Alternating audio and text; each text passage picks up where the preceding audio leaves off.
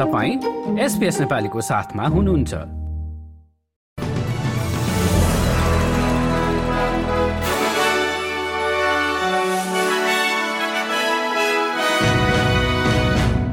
नमस्कार आज शुक्रबार बाइस डिसेम्बर दुई हजार तेइस। अब पालो भएको छ एसपीएस नेपालीमा आजका प्रमुख अस्ट्रेलियन समाचारहरू सुन्ने। प्रसंग शुरू गरौं क्वीन्सल्याण्डको बाढ़ीबाट।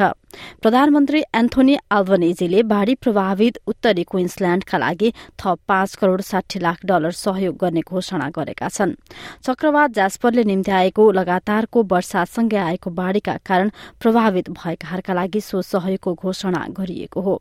यसैबीच क्वीन्सल्याण्डको ग्रामीण क्षेत्र केब योगका पैंतिस समुदाय सप्ताह अन्त्यमा ठूलो बाढ़ीको सम्भावना रहेको बताइँदा त्यसका लागि तयारीको अवस्थामा बसेका छन्। अब क्रिसमसको प्रसंग क्रिसमस लगायत नयाँ वर्षको समयमा अस्ट्रेलियन विमानस्थल विगत चार वर्ष यताकै सबैभन्दा व्यस्त हुने बताइएको छ। दशौं हजार मानिसहरूले विमानस्थल प्रयोग गर्ने तथ्याङ्क आइरहँदा कोन्टासले डिसेम्बर र जनवरीको बीचमा पचहत्तर हजार फ्लाइटमा अस्सी लाख पचास हजार यात्री उडान गर्ने तयारीमा रहेको बताएको छ। आज मात्रै मेलबर्न एयरपोर्टमा एक लाख पन्ध्र हजार यात्रुहरू उपस्थित रहने अपेक्षा गरिएको बताइएको छ।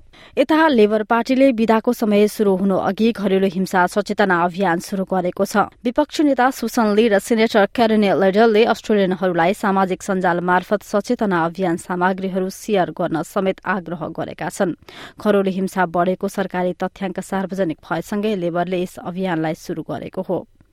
अब अन्तर्राष्ट्रिय समाचारमा चेक गणतन्त्रमा पाक विश्वविद्यालयका चौबिस वर्षीय विद्यार्थीले अन्धाधुन्द गोली चलाउँदा आफ्ना बाबुसहित चौध जनाको मृत्यु भएको छ। त्यस्तै पच्चीस जना घाइते भएका छन् र अन्त्यमा आफैले गोली हानी आफ्नो ज्यान लिएको सम्भावना रहेको बताइएको छ। सरकारले घटनामा दुःख व्यक्त गर्दै एक दिनको शोक घोषणा गरेको छ। अब खेलकुदमा क्रिकेट अस्ट्रेलियाले दक्षिण एसियाली समुदायको ठूलो सहभागितालाई आकर्षित गर्ने लक्ष्य राखेको छ। आफ्नो पछिल्लो बहुसांस्कृतिक कार्य योजना अन्तर्गत क्रिकेटको कार्यकारी निकायले दश बुधे योजना सार्वजनिक गर्दै दक्षिण एसियाली समुदायको सहभागितालाई बढ़ाउन लगानी बढ़ाएको हो। यस अन्तर्गत कोचिङ अम्पायरिङ लगायत सबै तहमा यस समुदायको प्रतिनिधित्व बढ़ाइने उल्लेख गरिएको छ। हस्त एसपीएस नेपालीबाट आजको प्रमुख समाचार यति नै। सुरक्षित रहनुहोस्। नमस्ते।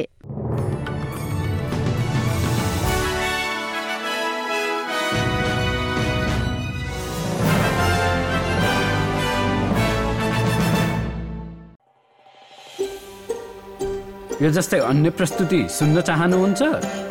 एप्पल पोडकास्ट गुगल पोडकास्ट स्पोटिफाईमा हामीलाई खोज्नुहोस् वा तपाईँले पोडकास्ट सुन्ने अन्य सेवामा।